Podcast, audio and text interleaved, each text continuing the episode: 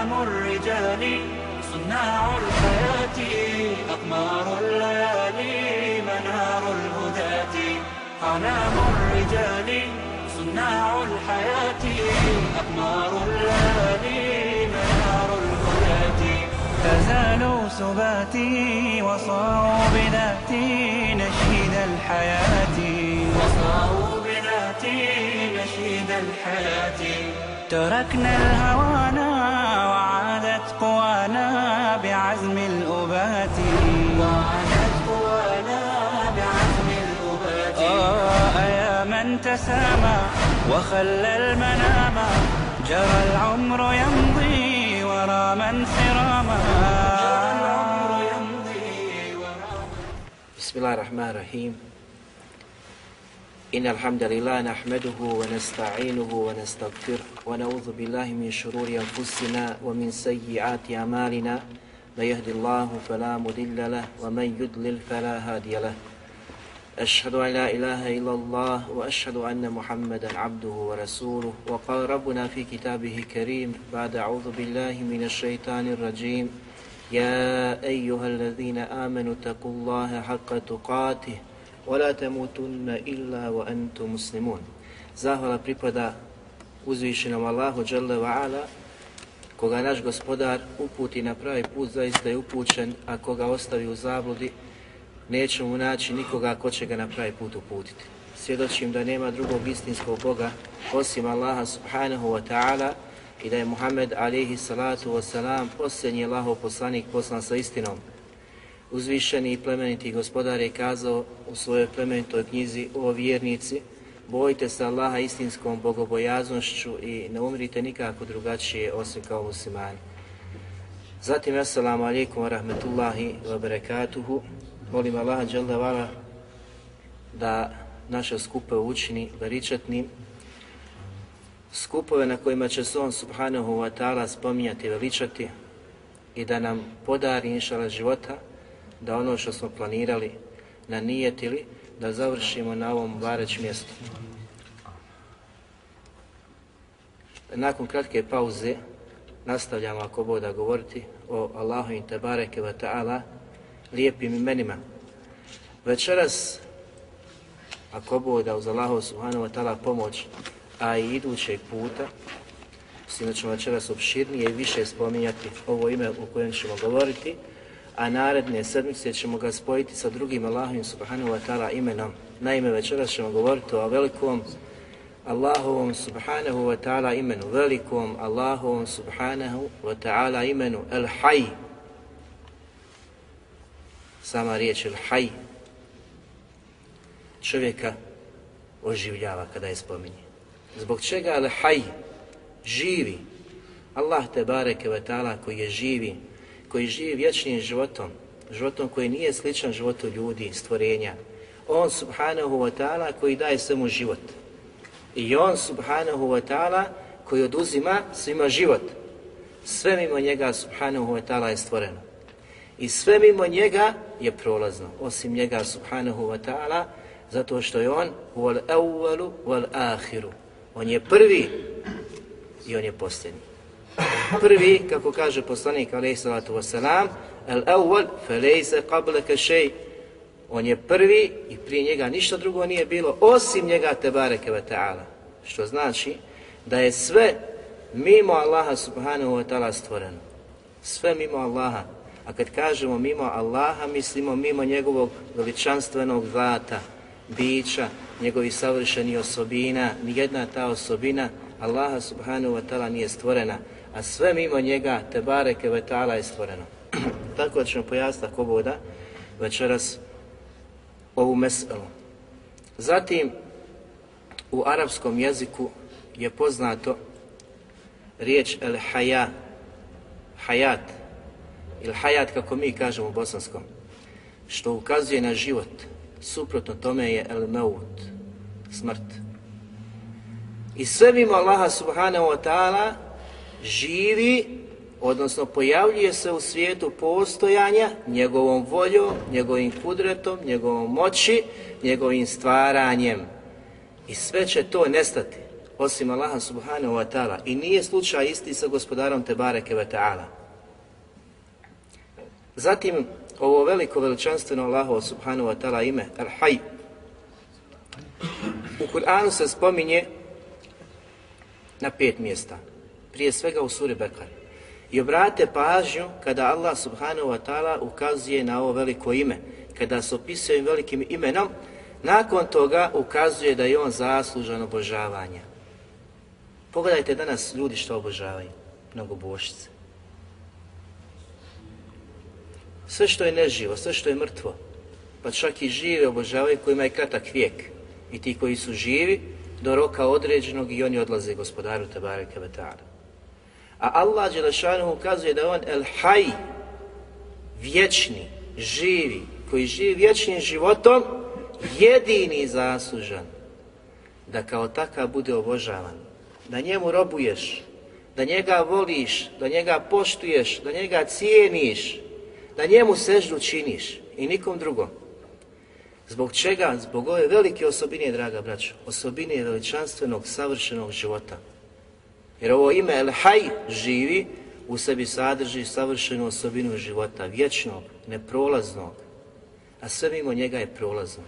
Tako da ništa ne postoji, niti može postojati u svijetu vidljivog i nevidljivog svijeta, da može biti zaslužno, da može biti obožavano mimo Allaha subhanahu wa ta'ala koji je Lhaj vječni, živi i koji svemu daje život. Allah Đelešanu kaže Allahu la ilaha illa huval hayyul qayyum. Pa se nakon toga opisuje la huzuhu sinatun wala naum. Allah pored kojeg drugog istinskog Boga nema.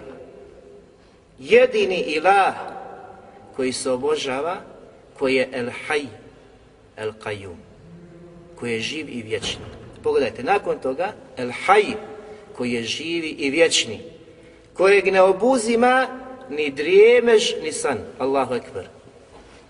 Kakvi smo mi, smrtnici, koliko smo nemoćni, da izdržimo heftu, dvije hefte, tri hefte, da ne spavamo. Allah subhanahu wa ta'ala sve je stvorio. 50.000 godina je zapisao sa kalemom šta će biti kako će se znači dešavati i odvijati stvari na Dunjalu. 55 stvaranja. stvaranja. je nakon početka tog stvaranja do današnjih dana i koliko će biti u budućnosti. Čovjek ovako promišlja, razmišlja Tebare te je tada snazi, veličini, moći. Da nikada, ni u kom trenutku ga nemoć nije obuzila. Da nikada nije, znači, doživio san Allah subhanahu wa ta'ala, niti drijemež jer su sve ovo osobine koje su negativne, manjkave i nikada ni u kom slučaju ne mogu se pripisati Allahu subhanahu wa ta'ala. A mi, obični smrtnici, smo opisani svim ovim osobinama. Svim ovim osobinama. Zatim Allah subhanahu wa ta'ala kaže u suri Ali Imran u prvom i drugom ajetu Elif lam Allahu la ilaha illa al hayyul qayyum Allah pored kojeg nema drugog istinskog Boga. Jedini istinski Bog koji je zaslužan da bude obožavan. El Hayy, El Qayyum. Živi i vječni, koji ne umire, koji ne prolazi. Jedini Allah te bareke Zato, draga braćo, kada čovjek razmisli i promisli kuranskim ajetima, odmah pogleda tamo Kineze. Čemu sve robuju, od koga sve traže zaštitu i pomoć, koga sve hrani, kome prinose žrtvu, kome prinose hranu i na kraju vidi ptica da sleti jel i uradi ono što uradi. Pas prođe i uradi ono što uradi. Ovo nemoćno da se pokrene, kip, predmet. A Allah dželevala za poslanje gospodara svjetova, stvoritelja svega, živog i vječnog, koji je sve stvorio i sve mu dao život kako bi ljudi radili ili za korist, odnosno da zasluže džennet i njegova prostranstva ili vatru i onu užasnu patnju koja očekuje svakog onoga koji glavu okrene od puta Allaha te bareke ve ta'ala. Zatim u suri Taha u 111. ajetu Allah Đelešanhu opisuje stanje sudnjega dana. Ukazuje u prvim ajetima Pogledajte sura Bekara, zatim sura Al-Imran, prije su znači poredane nego sura Taha. Stanje da ljudi trebaju da obožavaju Allaha subhanahu wa ta'ala i da moraju, da je on jedini zaslužan, a zatim nakon svega toga ukazuje u suri Taha stanje na sudnjem danu. Šta će biti sa onima koji glave okrenu? Allah Đelešanu kaže وَعَنَّتِ الْوُجُّهُ لِحَيِّ الْقَيُّمُ I tog dana će lica svih stvorenja se pokoriti kome? Živom i vječnom. Tad će oboriti glave svoje. Tada nećeš čuti ila hemsa, kako je došlo, osim šapat, strah, tuga, jomul hasre, dan tuge, kada budu proživljeni, stavi pred Allaha subhanahu wa ta'ala, sjete se i prisjete se svega što su činili. Nisu obožavali i nisu radili po onome što njihov uzvišeni, živi i vječni gospodar traži od njih. Glave su okretali. Zato će na tom danu biti ponižen. Ali će se morati pokoriti. ne više prkos, da bude prkosan. Da se prkosi, uzdiže, oholi, da glavu okreće. Da govori ko je vaš gospodar, kome se vi klanjate, da li ste bili tamo, da li ste to vidjeli, da li je neko bio pa se vratio tada u tim trenucima neće biti takvi. Tada niko ne smije progovoriti, tada niko ne smije podići glas. Tog dana će strahovati vjerovjesnici, a zamislite kako će tek strahovati oholnici, nevjernici, munafici i svi oni koji su bili na suprotnom putu od puta Muhameda, alaihi salatu wasalam. وَقَدْ خَابَ مَنْ حَمَلَ u nastavku ajeta. Tog dana će propast i propast samo vidjeti svaki onaj men hamel ko bude imao pri sebi bilo kakav vid zulma da je činio dunjaluku. Bilo prema kome? Svaku nepravdu tog dana će.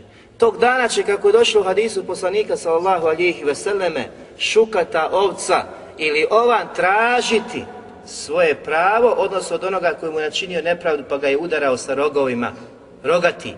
Znam se takva stvorenja, životinje, životinje šta će tražiti, pa šta tek onda mislite šta će ljudi tražiti od svojih prava što si zakinuo na Dunjalu. Taj zulm je opisan, kako rekao poslanik sam da su tmine na sunjem danu. Tmine. A s druge strane isto tako obuhvata da je to širk. Da je to i širk. Jer nema veće nepravde od onoga koji pripisuje Allahu Tebare Kvetala druga. I takav će se uhvati za glavu. Oni treba da se uhvati ali će se oni koji nisu radili širk, ali su učinili neku drugu, znači neki drugi vid nepravde. Zato čovjek treba da se trudi i da nastoji da nikom, nikom, ni u kom slučaju, ma koliko je se stvari radilo, da učini nepravdu, da mu nanese zulum. Jer vidite koliko je opasno. Tog dana će takvi biti izgubljeni. Takvi neće vidjeti da će biti od onih koji će uspjeti. Zatim Allah Đelešanu u suri Furkan u 58. majetu kaže وتوكل على الحي الذي لا يموت وسبح bihamdi. Pogledajte u kuranskog ajta. I ti se pouzdaj, osloni se na onoga koji je živi i vječni. I njega veličaj, njega slavi. Otavakel, pouzdaj se i osloni se na onoga koji je živi i vječni, koji ne umire. Allah subhanahu wa ta'ala, pogledajte našo se danas ljudi oslanjaju kome se prepuštaju sve ono što će smrt okusiti ili ono što je smrt okusilo ili ono što nikada nije bilo u svijetu, znači poslan kao živo biće, neživo biće. Njima se prepuštaju, od njih traže, njih mole, njih dozivaju, na njih se oslanjaju. A Allah dželle traži od nas, draga braće i cijene sestre, da se pouzdamo i da se oslonimo na onoga koji je živi, vječni, koji nikada ne umire jer on jedini zaslužan, jedini ti može pomoći i jedini ti može otkloniti nedaću. On te bareke, te bareke ve ala.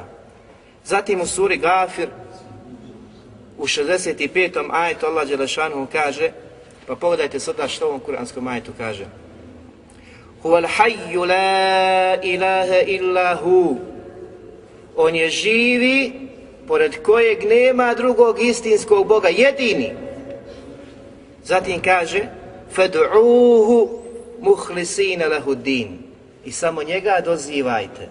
Tog živog, vječnog Allaha te bareke Samo od njega tražite, samo njega dozivajte i njemu vjeru onakvu kakvu je objavio ispravno činite, odnosno njega obožavajte na taj ispravan način kakvu je on objavio preko svoga poslanika sallallahu alihi wasallam. Nema dove mrtvom, da ti mrtvi pomogne, Da ti mrtvi izmeni stanje. Da ti mrtvi popravi stanje. Nego se traži od živog, vječnog koji ne umire. Koji je svemu dao život. Koji svakom uzima život. Huve juhji, va jumit I on je taj koji oživljava, život daje i on je taj koji usmrćuje. Jedini, draga braća, koji je zaslužan da budeš pokoran, ponizan, da od njega tražiš, da od njega doviš i koji je jedini u mogućnosti sve to da ti ispuni. On subhanahu, subhanahu wa ta'ala. Zato Allah Đelešanu kaže wal awwalu, wal ahiru, wal zahiru, wal batinu. Wa huwa bi shay'in alim. I on je prvi, u suri Hadid, treći ajet, i on je prvi i posljednji, Zahir, vidljivi, batin nevidljivi, zahir, kako kaže poslanik, zahir, se feu, kakve onaj koji je iznad svih stvorenja, i iznad njega ne postoji neko stvorenje. Iznad svih stvorenja. Bati nevidljivi, a on sve vidi. Nevidljivi, a on sve vidi. Ali će na sudnjem danu te bareke vetala dozvoliti jednoj posebnoj skupini, njegovoj dragoj skupini, skupinu koju on voli, koju on pomaže, kojoj daje posebne blagodati Islama i imana, to su mu'mini koji će ga na sudnjem danu vidjeti. Iako je na dunjalku nemoguće da se Allah subhanahu wa ta'ala vidi, ali na sudnjem danu Allah subhanahu wa ta'ala će dozvoliti vjernicima da ga vide. U džennetu isto tako će ga vjernici moći gledati. Onoga koga se obožavao nisi ga vidio, ali si čvrsto i jasno znao da on postoji da je on tvoj stvoritelj, jer ti je poslao knjigu preko poslanika Muhammeda alihi salatu wasalam, opisao se svojim savršenim osobinama, veličanstvenim imenima, da ga upoznaš, da ga spoznaš, da njemu robuješ, da njega cijeniš, da se njemu pokoravaš, nikom drugom. I nakon svega toga dolazi velika nagrada. Džennet, dženetska prostranstva, povrh svega gledanje u lice milostivog, samilosnog, moćnog, veličanstvenog, uzvišenog, plemenitog Allaha Đelevala. To su najveće nagrade koje će imati stanovnici dženeta. Kad se ugoda Allah, zaboravit će se sve od ljepote.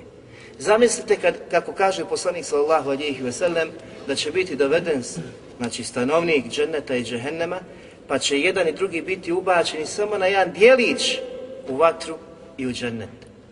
Pa će biti upitan jedan i drugi, ovaj koji je bio siromašan, nikada užitke nije doživljavao na Dunjaluku. Nikada. S druge strane, onaj koji je najviše uživao na Dunjaluku, bit će umočen u vatru, ovaj u džennet. Kada bude umočen u džennet, bit će upitan da li si ikad gobu osjetio na Dunjaluku. Nikada, nikada, nikada. Zaboravit će sve Habibi kada pogleda šta se očekuje džennetliju tamo. S druge strane, onaj koji najviše uživa, danas koliko ljudi uživaju, ne možemo nekoga izdvojiti od njih da kažemo poput njega. Znači, onaj koji najviše uživa, će samo jedan dijelić biti u vatri, pa će biti izvučen i upitan da li se ikada doživio ljepotu. Zaboravit će sve ljepote, sve naslade Dunjaluka, zbog onoga što očekuje Džahenem ili u A zamislite kada uđe dženetlija i kada pogleda to sve i zaboravi ovo sve i kada vidi to sve što se može vidjeti od ljepote i naslade, pa nakon svega, kako hadis ukazuje, kada se sakupi za sofrom, pa kada pogleda Allaha subhanahu wa ta'ala, zaboravit će sve ljepote koje je vidio. Zato je to najveća nagrada, viđenje Allaha subhanahu wa ta'ala u džennetu.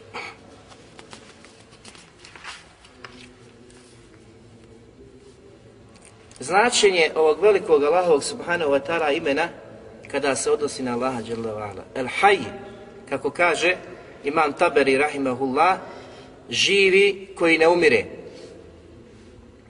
koji živi svojim vječnim životom, koji živi svojim vječnim životom, životom koji nema početka ni kraja. Mi smo nastali iz, iz nepostojanja, jel? Zatim, nakon našeg postojanja, ponovo slijedi nestanak, prolaznost. A Allah Đelešanu živi vječnim životom. Nije nastao, nego je bio prvi i on je posljednji, nakon svega. Sve kada umre, sve kada doživi prolaznost, kako kaže Allah Đelešanu, kullu men aliha fan. Sve što je na koji je prolazno, sve će nestati. Samo će ostati pa vajhu rabbik. I ostaće samo lice tvoga gospodara, plemenitog, veličanstvenog. Samo to će ostati.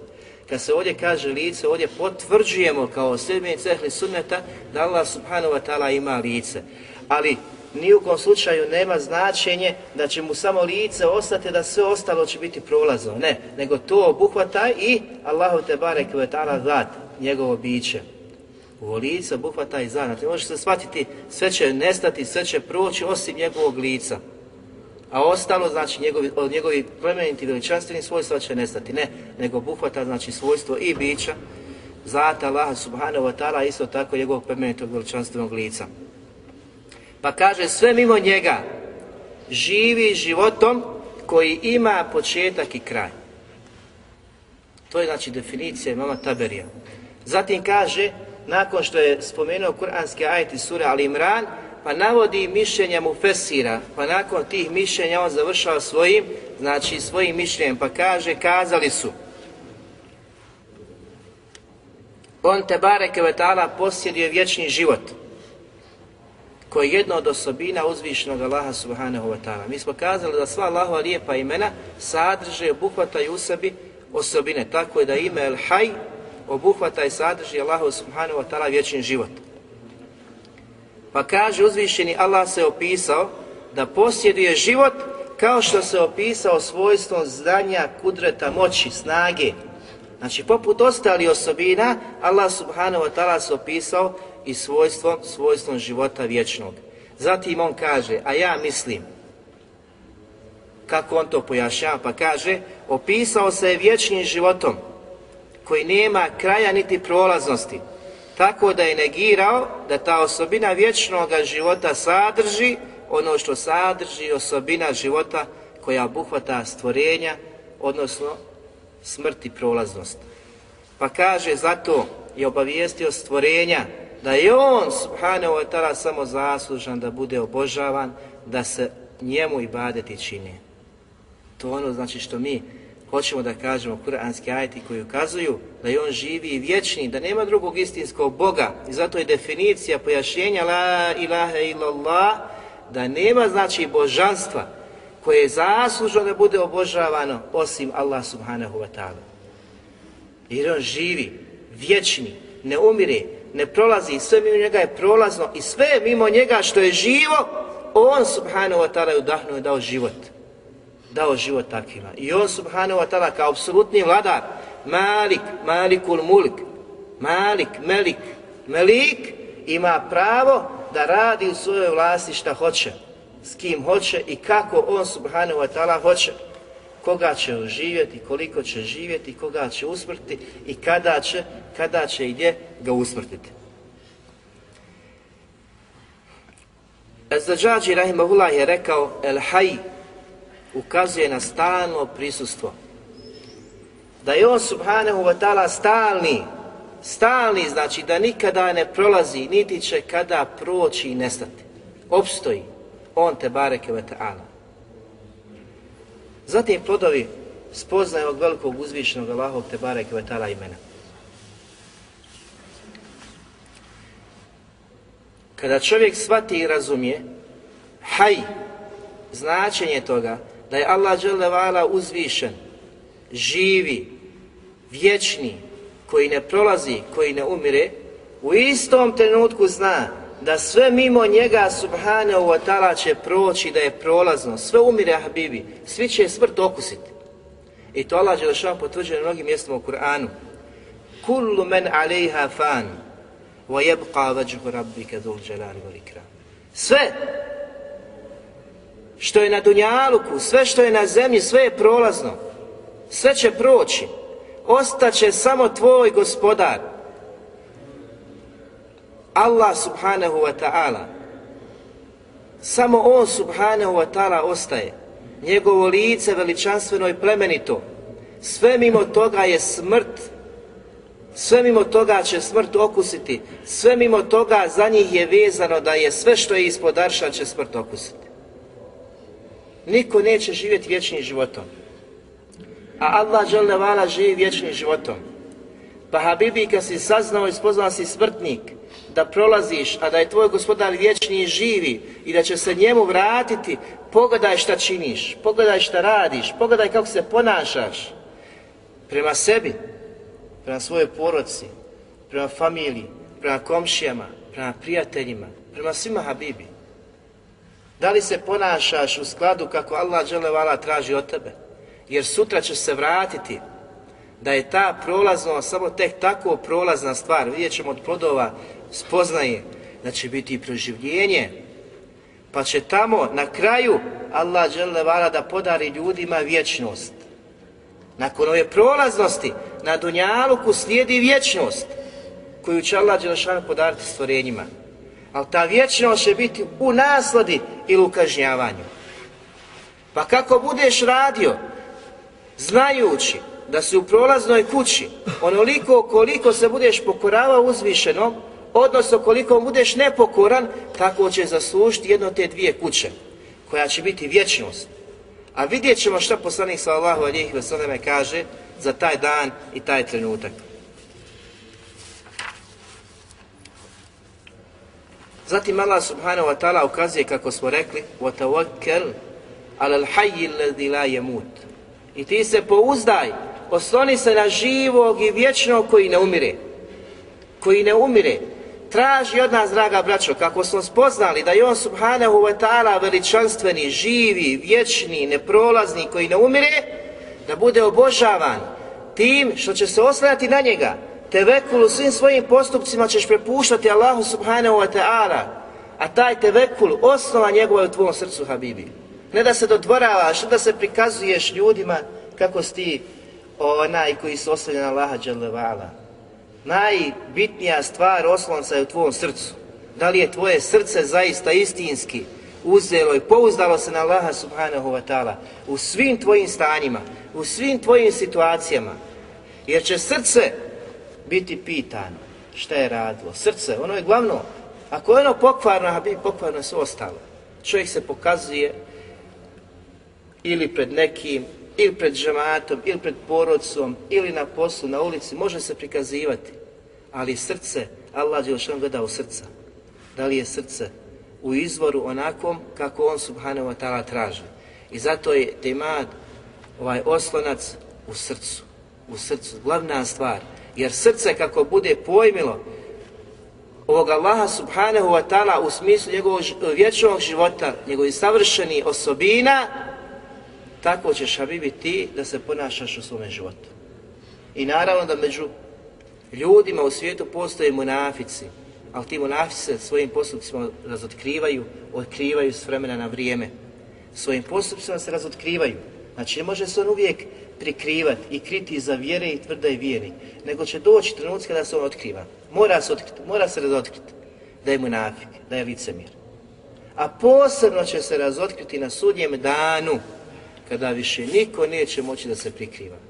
I zato Allah Đelešanu traži i naređuje, naređuje poslaniku alihi salatu wasalam da se pouzda i osloni na Allaha Đelešanu. A onaj ko se pouzda na Allaha subhanahu wa ta'ala koji je živi i vječni Habibi, ko mu može nešto učiniti? Niko. Jer Allah Đelešanu posjedi apsolutnu moć, moć i snagu da te u svakom trenutku, svakom treptaja oka koji doživljavaš, da ti iznađe izlaz, da te pomogne, da te ojača, da te osnaži i da uništi tvoje i njegove, tvoje i njegove neprijatelje.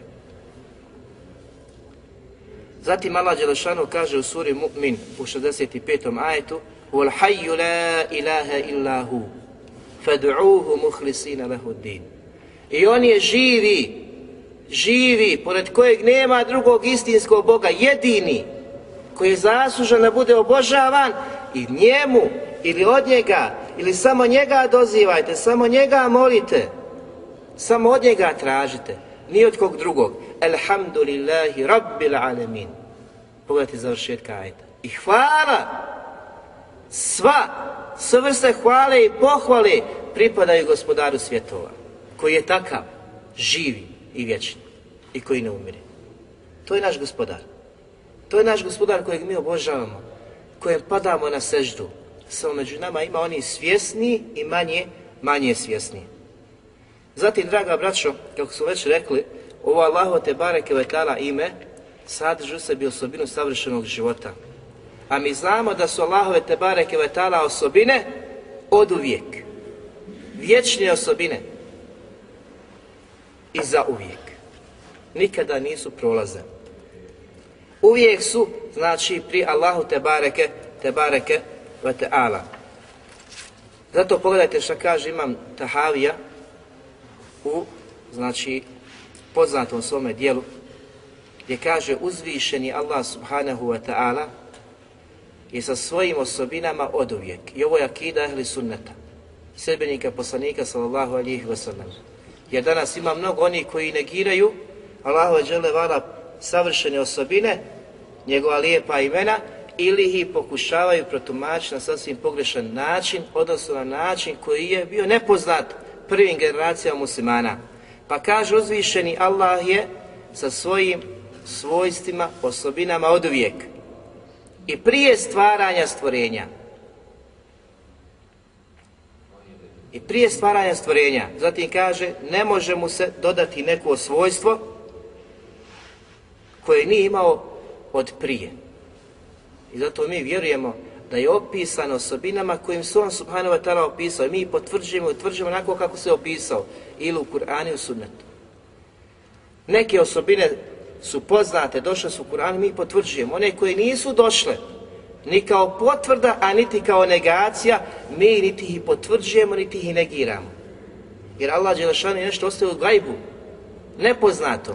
Tako da ne možeš tvrti nešto što on nije negirao, da on ne posjeduje takvu znači osobinu. Nego jednostavno potvrđuješ ono što je potvrdio, a negiraš ono što je on subhanahu wa negirao. Pa kaže, niti će mu neko od tih svojstava nestati i proći. Njegovo ime El Halik, stvoritelj, nije nestalo tek kada je on stvorio. Znači, kada je stvorio, pa se opisao imenom da je on stvoritelj nego je bilo prije stvaranja, kako je na početku kazao. Niti je tek nakon stvaranja stvorenja dobio naziv Bari, koji je učinio, kako smo kazali, da to što je stvorio doživi nastanak u svijetu postojanja. Zatim kaže on gospodar, je istinski gospodar, a ne onaj nad kojim se gospodari. Pa zatim kaže, on je stvoritelj i nije stvoren. To je haj, živi i vječni. I kao što on oživljava mrtve i posljedje to ime prije nego što oživi. Muhi, on je taj koji daje život svemu. Posjedovao to ime i to svojstvo prije nego što je, prije nego što se desilo da on oživi nešto. Zatim kaže, također posjedje ime stvoritelj i prije nego stvori svoje stvorenja. Zatim imam Ebu Hanife, rahimahullah, kaže u dijelu Fikul Ekber. Njegova svojstva su oduvijek i nisu stvorena. Njegova svojstva su oduvijek i nisu stvorena. Danas imate mnoge koji se pripisuju Ebu Hanifi, rahimahullah, da vjeruju, da izvršavaju, da obožavaju Allaha subhanahu wa ta'ala poput njega, ali se ovdje, znači, suprostavljaju uvjerenjima Ebu Hanife, rahmetullahi Zatim kaže, ko kaže da su Allahova te bareke svojstva stvorena ili se koleba i sumnja u to, takav je nevjernik u Allaha subhanahu wa ta'ala. Danas imate ljudi koji kažu da je Kur'an stvoren, da je Allahov govor stvoren. Ebu Hanife donosi hukm, propis takvi. On uzvišeni, Allah je prvi, kaže, bez početka i posljednji, jer nema kraja, Prvi prije svega i posljednji nakon svega. Ovo je bila akida Ebu Hanife Rahmetulali. Akida koja je bila u potpunosti sa akidom ostalih imama. Imama imama Ahmeda, Malika i Šafi. Svi su bili na istom i nije bilo razlike među njima. I oni koji žele da žive životom oni koji su sjedili poslanika sallallahu alihi vseleme, trebaju da imaju uvjerenja i ubjeđenja kako su imali naši ispravni prethodnici. Zatim sljedeći plod. Svaki vjernik koji spozna, dragi brate i cijena sestro, ovo veličanstveno ime El Haj, živi, koji ne umire, požuri Habibi da se pokori Allahu Đalla Ala požuri da što više Allah subhanahu wa ta'ala obožava nakako kako on subhanahu wa ta'ala traži u svojoj plemenitoj knjizi i sunetu poslanika sallallahu alaihi sallam. Prepušta se u potpunosti Allahu Đalešanhu, njegovim propisima. Zato je poslanik alaihi sallatu wasalam često izgovarao dovu gdje kaže Allahume leke eslemt Gospodaru moj, tebi se pokoravam, vabike ament, i u tebe vjerujem. Va alejke te I na tebe se oslanjam. Zatim kaže poslanik Va ilejke enebt. I tebi se uvijek obraćam. Allahume leke eslemt wa bike amen wa alejke tevekelt wa ilejke enebt četiri stvari koje su jako bitne u svakom životu muslimana. Da se pokoravaš Allahu subhanahu wa ta'ala, da vjeruješ u Allaha subhanahu wa ta'ala, da se osjećaš samo na Allaha subhanahu wa ta'ala i da se samo njemu obraćaš, da samo od njega tražiš. Sve što ti je bitno u životu. Zatim kaže poslanik sallam, va Zbog tebe se raspravljam. U tvoje ime se raspravljam. Ne radi svojih strasti, ne radi svojih prohtjeva. Nešto želim se dokazati kako sam ja neko i nešto. Nego uvijek kada to tražiš istinu radi Allaha subhanahu wa ta'ala. Kada dokazuješ nekome i dokazuješ radi Allaha subhanahu wa ta'ala. Radi njegovog zadovoljstva. Sve tvoje rasprave, sve tvoje diskusije moraju biti radi Allaha i u ime Allaha subhanahu wa ta'ala i traženje istine i traženje istine. Ništa drugačije. Niti suprotno tome. Ovo nas podučava poslanik sallallahu alihi wasallam. Zatim kaže poslanik Allahuma inni a'udhu bi'izzatik Gospodaru, utječem se tvojom moći. La ilaha illa ent. I nema drugog istinskog Boga mimo tebe. Pogledajte što traži nakon toga. Entu dilleni da me ne ostaviš na stran putici nakon što si me uputio. A bibi, to ti je glavna stvar u životu.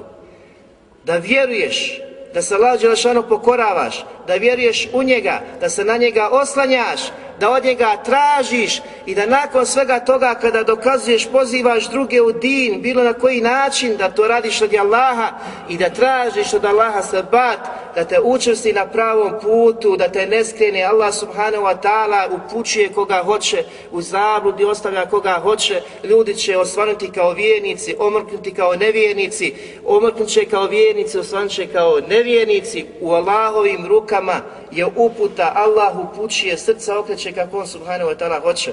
Traži da Allah te učvrsti i nemoj misliti da si ti spašen, da si spašen, sve dok ne budeš ušao u džennet. Nisi spašen sve dok ne budeš ušao u džennet.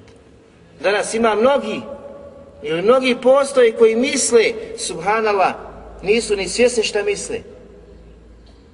Odabran, spašen pa sve one stvari kojima su opisani istinski sedbenici pripisuje sebi. Pripisuje sebi da je on takvi. Spašena skupina. O spašenim skupini. Ne zna kako će zanočiti. Ne zna kako će omrgati. Možda će njegova jedna riječ prouzrokovati Allahovu sržbu i da mu oduzme na najljepši dar koji mu je podario. A to je din. Ti Habibi kada se rekao Ešhedu, e la ilaha illallah, ešhedu, enne Muhammeden, abduhu wa rasulu. Habibi nisu ušao Nek si tek počeo da pružaš korake ka džennetu. Tek si počeo pružati. Neka možeš doći i provalio, hop, nema. Čovjek će biti proživljen na onome na čemu bude usmrćen. Šta radiš, čim se baviš, šta radiš, da li si svjestan? Kada najviše jedeš meso brata svoga, da ne budeš usmrćen u tim trenucima. A kažemo na početku smo spomenuli šta? Znači, kad habe men hamere dhulma. Biće upropašen ko bude imao i trunči su nepravde prema nekom da je učinio na sudnjem danu. Šta ti misliš da će doći brat te alhamdulillah, Allah dragi, oprosti mu, smiluj mu se, što si ga ogovarao gibetu i dan i noć. Nismo svjesni, nismo svjesni koliko su opasne stvari i kaže poslanik da su to tmine na sudnjem danu, tmine. Zato ispravan vjernik Habibi pozabavi se o sebi. Kako će se sačuvati? kako će se spasti, kako će se Allahu umiliti, kako će se Allahu približiti, pozabavi se svojim namazom, gdje kaska, koliko je skrušen, koliko je nije. Šta je naučio od ove, šta je naučio od slavljenja, veličanja svoga gospodara, ili mu je namaz, alhamdulillah, kulhu Allahu akbar. Razumijete? I uvijek tako, uvijek tako. Nema sumnje da su to velike stvari. Kul tko ko bude učio, znači kao što je poslaniku sa su došli da se požale na čovjeka koji voli da uči suru kul ali kad je pitao poslanik, bilo mu je čudno što on to toliko uči. Zašto? Kaj zaista volim tu suru jer je Allah Đelešanu opisao veličanstvenim svojstvima u toj suri. On je uči zato što razmišlja i promišlja o značenju veličine tih ajeta. A nešto je običaj, tradicija, što prije, što kraće, hajmo idemo dalje. On promišlja, razmišlja, njegova će znači, to uzdići i to će mu dati korist. Jer kaže, kako voliš, svoga milostivog Rahmana koji su opisao tim plemenitim svojstvima, također tebe milostivi Rahman voli. Ako uči iz tog razloga, ako uči tek tako Habibi, da što kraće, takav neće osjeti, zato moraš se prispitaš gdje si, šta si, ko si, koliko doživlja svoj namaz. Zatim nakon namaza, Habibi, mnoge druge stvari, a ne sjedi, odmori, onaj što radi jučer, taj, taj, taj. Šta najviše? I samo ovoliko, onoliko, oduzmi, dodaj, oduzmi, dodaj. I bit će isto tako sa strane stoji, oduzmi, dodaj, oduzmi, dodaj, što si radio, ništa ne propuštaju, ništa. Sve zapisuju. Pa ćemo se stidjeti svojih listova. Pa će se stidjeti što su u čošku sjedio sa svojim Habibom na Dunjalu, a govarao Allahovog miljenika, štićenika, Allahovog evliju a ti si mislio da si Allahove i poseban. Pa će se stidjeti što si to radio. Ali kada će se stidjeti, Habibi? Kada bude kasno da se stidiš. Danas se trebamo stidjeti šta radimo, šta činimo. Kao što se stidiš za to što iskazuješ u samoći, u prisustvu jednog, dvojice, trojice, četvorice, kao što se stidiš da to kažeš lično meni, lično njemu i trećem, nego se odeš osamiti sa onim istomišljenikom što je poput tebe poput tebe na istom nivou, bez svijesti o Allahu Đelešanu. Osobe koje tako, to nemaju svijesti. Nemaju svijesti o Allahu te bare koje tala veličini, snazi i moći, da te može u jednom treptaju oka uništiti na onome na čemu se. I još povrh svega smatraš da je to od vjere i dina. Još gore. Još gore, da pripisuješ takve osobine vjeri i da ohalališ takve stvari. Da li su ohalalio gibet? Da li se ohalalio gibet? to je gibet od velikih grijeha. Ako ga ne ohalališ. Ali kada ga ohalališ i smatraš dozvoljenim, pa bi više nije veliki grijeh, nego kufr, nevjerstvo koje ti izvodi iz vjeri. E pa sad, koliko sad čovjek zatrpiri kad kaže kufr, nevjerstvo koje izvodi iz vjere. Odmah te drhtaju, jel? Teško je za Habibi. Da li si svjestan u tom trenutku kada to govoriš? Zašto se naslađuješ onim što je Allah subhanahu wa ta'ala zabranio? Zatim kaže poslanik oseleme, nakon što traži da ga Allah Đelešanu učesti na pravom putu, da ga ne ostavi u zabludi nakon upute entel hayyul ladila Zaista si ti živi koji ne umire. Pogledajte kako Allah Đelšan opisuje. Jer zna da onaj koji to može podariti, koji može to učiniti i koji je zaslužan, da budeš mu pokoran, da vjeruješ u njega, da se na njega oslanjaš, da njega tražiš i uputu i zaštitu je e, entel haj, živi ladila koji ne umire. To je jedini koji je zaslužan da mu se ovo sve iskazuje, pripisuje i od njega, od njega subhanahu ta'ala traži wal džinnu, wal insu mutun. Svi džini, onaj nevidljivi svijet, svi će ti biti mrtvaci i mrtvi, kao što i ljudi, svi će pomijeti. I ljudi i džini. Niko neće, niko neće od njih ostati. Ostaje samo vječni Allah, te bareke, te bareke ve ta'ala. Zato Allah što kaže, عَلَى الْحَيِّ الَّذِي لَا i ti se pouzdaju i osloni na onoga koji je živi i koji ne umire. Jer je on jedini zaslužan da se veliča i da mu se robuje. Zatim, sljedeći plod, ni u kom slučaju, draga braćo, kao što smo do puno puta e, spominjali, ne smije se osobine Allaha subhanahu wa ta'ala poistovijeti sa osobinama stvorenja. Ne možeš nikada zamisliti i pomisliti da Allahov život, vječni život, je poput života smrtnika, ljudi i stvorenja koje on subhanahu wa ta'ala stvorio. Svi mi imamo početak i kraj, Allah Đelešao nema niti početka, nema niti kraja. Kako smo kazali, Allahu la ilaha illa huval hayyul qayyum. Allah je, nema drugog istinskog Boga pored njega. Jedini zaslužan da se obožava, živi i vječni. La huzuhu siratu valanu. Niti ga drijebež, niti san obuhvata, niti obuzima. Znači, uvijek živi i vječni. Kontroliše sve. Na svim stvarima, svim stvarima ima univerzalni nadzor ništa mu ne promiče. Danas Habibi, ja idi, ja te mogu s tobom se družiti, čekaj trenutak kad ćeš, jel, zakuljati, kad ćeš zaspati. I onda odradi ono što sam ja naumio. Da ti ne vidiš. Međutim, nikada ne možeš učiniti bilo kakvo djelo sa kojim Allah Đelšao nije zadovoljan, a da te on subhanahu wa ta'ala ne vidi. Nikada nećeš izgovoriti riječ, a da je on subhanahu wa ta'ala ne čuje. Nikada nećeš učiniti postupak, a da on subhanahu wa ta'ala ne vidi. Zato kaže poslanik sallallahu alejhi ve selleme: "Inna Allaha la yanam wa la yanbaghi lahu an yanam." Zaista Allah dželle ne spava, niti ima potrebe da spava, niti ima potrebe da spava. To ukazuje još na savršenstvo njegovog života. Naš život, Habibi, koliko ti imaš potrebu za spavanjem? Svakodnevno. Da se odmoriš, da sutra ponovno startaš sa poslom i obavezama. Allah dželle lehu nema nikakvog vida potrebe za spavanjem. Nikada, nikada.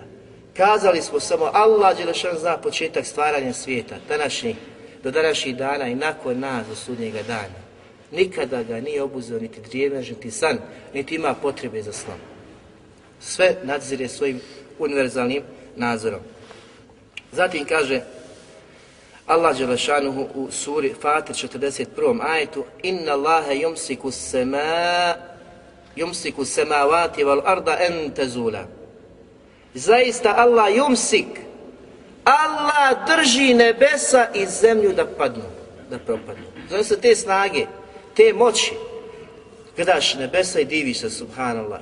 Neki uzvišen, onaj stvoritelj nebesa kako divno stvara razmisli kolika su ta nebesa, kolika je to sila, koliko su znači, e, koliko su teška, a Allah Đelešanu ih drži i čuva, njegovom voljom opstoje, njegovom snagom i moći, koji je najmoćniji, najjači, kako smo opisivali, svaki vid snage ko posjeduje u Dunjaluku, to je što mu je Allah Đelešan podario, a on je najmoćniji. Drži da nebesa opstoje. Da je ova nebesa koja mi vidimo prvi svoj, sedam nebesa, semavat, sedam nebesa, isto toliko zemalja. Allah Đelešanu drži da one opstoje. I kada bi dozvolio da padnu, kaže nema, niti postoji neko ko bi mogao to zadržati. I na kraju kaže Allah Đelešanu kane halimen gafura. A Allah je blag i mnogo praša. Što je blag? Neizmjerno blag zbog toga što zna šta se dešava ispod nebesa, šta stvorenja rade, koliko ga izlijete, koliko ga vrijeđaju, koliko ga psuju, koliko su nepokorni, koliko glave okreću, koliko se bore protiv njegove vjere, njegovih sebenika vjere, njegovih štićenika, evlija i sve, sve to vidi, sve zna. I opet je blag da dozvoli da se obruše ta nebesa na takva stvorenja. Gafur želi i daje ti mogućnost da se pokaješ, a on pokajanje prima. Mnogo prašta. Šta god da činiš, šta god da radiš. Pogledajte znači kako se povezuje, povezuje značenje kuranskih, kuranski ajeta. Zatim sljedeći plod je da će Allah dželle na sudnjem danu podariti stanovnicima dženeta vječni život. Stanovnicima vatri vječni život. Danas je Žešanu učinje stanovnika dženeta, a sad ću da budemo stanovnika vatri. Allah Đelešanu kaže vama هَذِي الْحَيَاتُ Zaista ovaj dunjaluk i ono što je na njemu, ništa drugo nije osim igra i zabava. Igra i zabava. Allah subhanahu wa ta'ala u prvom dijelu ajeta ukazuje koliko je dunjaluk prolazan, koliko je ništavan, da se čovjek ne kači, da se ne povezuje, da se ne konektuje za dunjaluk, da bude znači u nekoj konekciji, nego da uzme onoliko koliko mu je potrebno i da radi za kuću vječnosti. Zbog čega? Jer je to pouka za pametno. Pa kaže Allah Žešanuhu wa inna dar al hayawan. A zaista vječna kuća dženneta je vječna kuća života. Vječni život je tamo. Vječnost je tamo. Za onoga znači ko spozna i skonta da je kuća dunjalka prolazna, igra i zabava koja nestaje, Allah Đelešanu ukazuje da uzmeš pouku, da radiš za ono što je vječno, što vječno traje, a to je džennet i džensko uživanje. Laukanu ja'lemun. Ako bi oni samo promislili, kada bi oni samo znali, znači ako shvatiš i razumiješ, a ne shvati neš razumijeti, tako ne bude se družio s Kur'an i hadise poslanika sallahu alihi veseleme i ne bude slušao uputu Kur'ana i sunneta da je ova kuća igra i zabava, kuća koja je prolazna, a da očekuje sve nas jedna od dvije kuće, kuća vječna uživanja ili kuća vječnog kažnjavanja. Pa onda čovjek kada to shvati i razumije da radi za kuću vječnog uživanja. Poslanik sallallahu alejhi ve sellem u hadisu sahih Buhari i svi drugi bilježe kaže kada uđu u stanovnici dženeta u džennet i stanovnici džehenema u džehennem. Pogledajte tada će pozvati glasnik. O stavnici dženeta, ja ehlel dženeta, o stavnici dženeta. Pa će oni da pogledaju šta poziva. Kaže, zatim će se pojaviti smrt u obliku crnog bijelog ovna.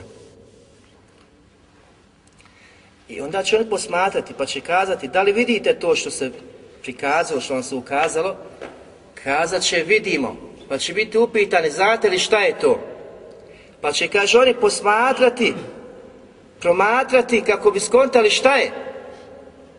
Pa će na kraju kazati svakako da znamo, to je smrt.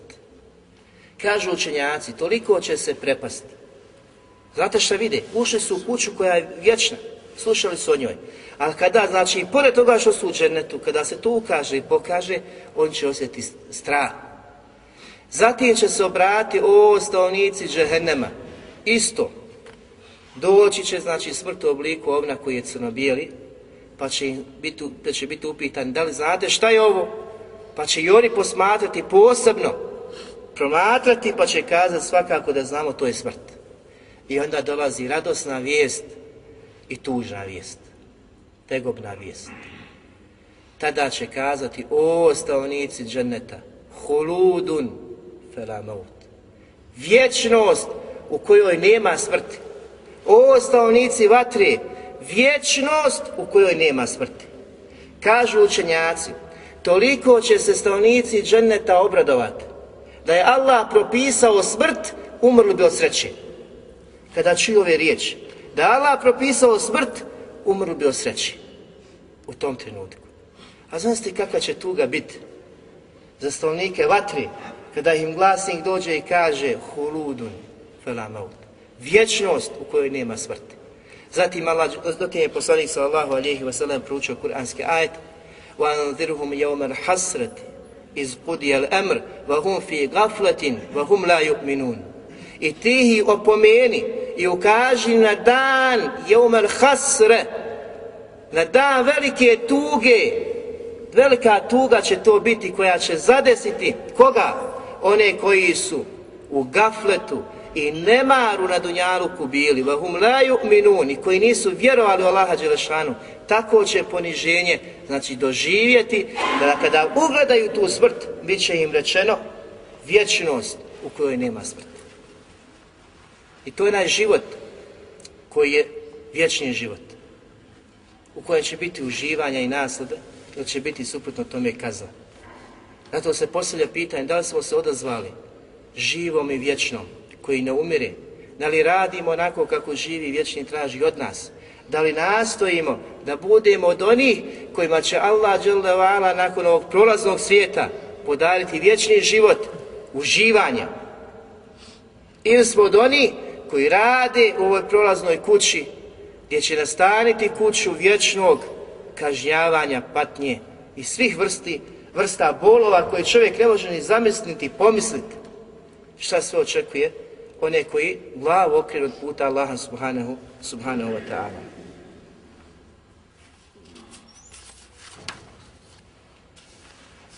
I zadnji plod koji ćemo navesti, svijest, draga braćo, o Allahu i Tebare Kvetala moći. Jer On subhanahu wa ta'ala koji je el živi, koji je podario nama život, da smo svjesni Habibi da je on subhanahu wa ta'ala taj koji ti može život uzeti u svakom trenutku. I ne samo život. Život kad ti je Allah subhanahu wa ta'ala kao život koji ti je podario, on sadrži, obuhvata mnoge blagodati koje ne možeš pobrojati koliko ih posjediš od strane Allaha.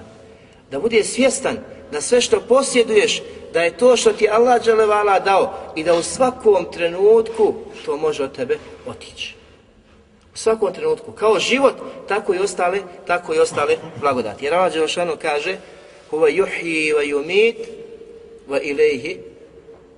turđa'un. Zaista je on taj koji oživljuje i koji usmrćuje i njemu ćete se svi vratiti. Znači svijest da je Allah koji ti daje život i isti gospodar koji će ti oduzeti život ali ti napominje da nakon tog oduzimanja života ponovo slijedi povratak Allahu Đelešanu. Nakon povratka slijedi ispit. Šta si radio? Čim se bavio? Kako si proživio taj određeni dio tvojih dana života na Dunjaluku? I svi će biti pitani. Svi će biti pitani. Međutim, šta su pripremili kao odgovor uzvišenom Allahu Subhanahu wa ta'ala? U suri Mu'minu 68 ajta Allah Đelešanu kaže وَالَّذِي يُحْيِي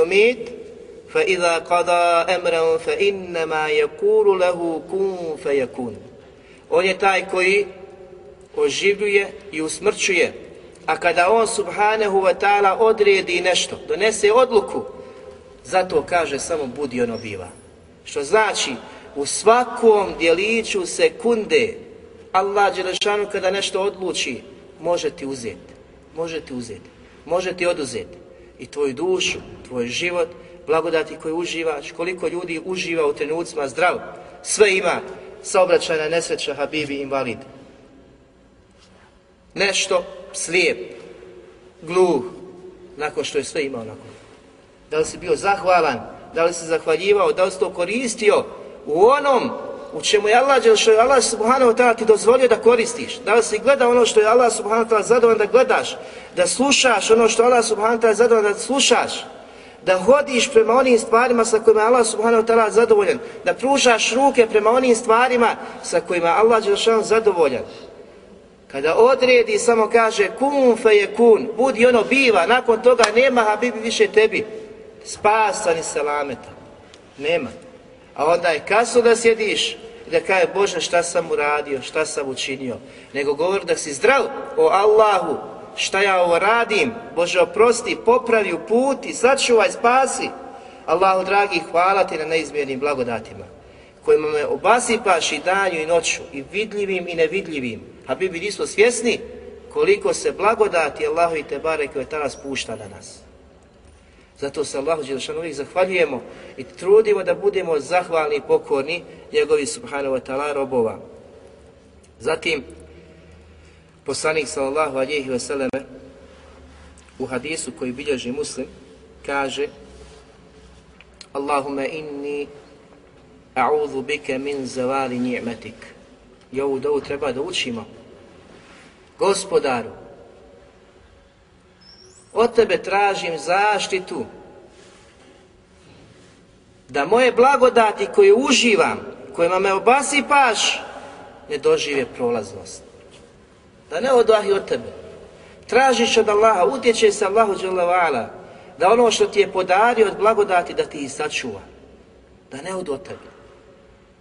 Samo si u tim trenucima svjestan onoga što ti je Allah podario. Ona kaže, nemam ništa, šta ja imam? Pa imaš Habibi glavu, pa reci Alhamdulillah, kad pomisliš šta je na toj glavi i šta glava sadrži, to su neizbjene blagodati. Znate? Znači, šta ja vam, samo pomisliš koliko imam eura tamo i koliko imam dolara. I naši, jest. A Habibi kad bi stavio na jedan tas svaget svoj vid i bogatstvo svijeta, na drugi tas Habibi blagodat tvog vida bi bila glavna. Glavna. Zamislite, obožavaš Allaha bez vida, slijep. Iskušenje veliko i zato je džennet onome ko sabura na tome. Džennet, vel, znači ne, nagrada za, da to zvala vid i da osaburaš na tome je džennet. Zamisli, ne gledaš u Kur'an, ne vidiš harfove, ne čitaš znači, hadise poslanika sa ne vidiš ljude koje voliš, koji su ti dragi, koji su ti bliski. Koja je to blagodat? da imaš pare ovome dijelu, daj da vidim mamu jedan put, samo da je vidim. Oca, brata, sestru, sve bi dao, a opet se ne bi nagledao, bi to dao za jedan trenutak da ih vidiš. Allah Đelšan ti podario čita tvoj život, da imaš i da gledaš, da se ne slađe svojim, svojim pogledom. Zatim kaže poslanik s.a.v. nakon što je tražio zaštitu, da mu Allah Đelšanu podari, da te blagodati ostanu, da nisu prolazne, kaže nakon toga وَتَحَوُّلِ afijetik i da izmijeniš moje stanje, moje zdravstveno stanje i stanja znači zdravlja u stanje bolesti. Traže da Allah subhanahu wa ta'ala, znači zamisli ti si sad zdrav, ali Allah on taj koji ti daje da oboliš, da se razboliš, traži zaštitu takvog stanja. I kažu učenjaci da isto tako doba obuhvata i stanja bogatstva u stanje siromaštva. Da ova znači kao što zdravlje obuhvata i metak, i metak. Tražiš od Allaha, svjestan si da ti on dao, da je on taj koji je hajru hafiza, koji najbolje čuva, koji te čuva, koji te pomaže, da je on taj koji ti može sve to uskratiti i oduzeti. I zato si uvijek svjestan da su blagodati koje posjediš od Allaha nisu od tebe, nisu od tvojih roditelja, tvoje familije ili nekoga na dunjalku. Zatim kaže poslanik Vafuđaeti nikometik i tražim Bože dragi zaštitu od tebe od iznenadne kazne. Iznenadna kazna dolazi k onome čovjeku koji je u gafletu, u nemaru, pa Allah nam pošalje kad se najviše on opusti. Raskoš, ljepota, Allah će ga kazniti. Poslanik sallallahu alaihi traži zaštitu takvog stanja, ali nas podučava da mi tražimo, poslanik sallallahu alaihi selem, bio najdraži Allahov rob. Allahov prijatelj. A ko smo mi? Mi smo najpreći da učimo ovu dovu i da tražimo da Allah subhanahu wa zaštitu. Zatim kaže poslanik sallallahu alaihi Mije sahatik. I o svih vrsta tvoje srđbe, odnosno svega onoga što će prouzrokovati tvoju srđbu, tvoj gnjev. Allah što se srdi, to je njegovo svojstvo, savršenstva. A kada se Allah rasrdi, niko te sačuvati neće, osim njega te bareke, te bareke veteana. I s ovim, draga braća, ćemo večeras završiti, moleći Allah subhanahu wa ta'ala da nam podari, da nas učini od oni koji su istinski vjernici Allah subhanahu wa ta'ala da nam omili iman, dobra djela, dobročinstvo, da nas učini od istinskih sjedbenika Muhammeda alihi salatu wasalam, da oprosti nama, našim roditeljima, svim muslimanima, da ujedini safove svim muslimana, ma gdje oni bili, da pomogne braću muslimane u svim krajima svijeta, da nas ovako kako nas je sakupio na ovome svijetu, sakupi i okupi u sa poslanikom sallallahu alihi ostalim vjerovjesnicima, svim iskrenim, svim šehidima i svim dobrim koji su ga na tom putu. Subhanak Allahumma hamdik, ešhadu la ilaha illa ent,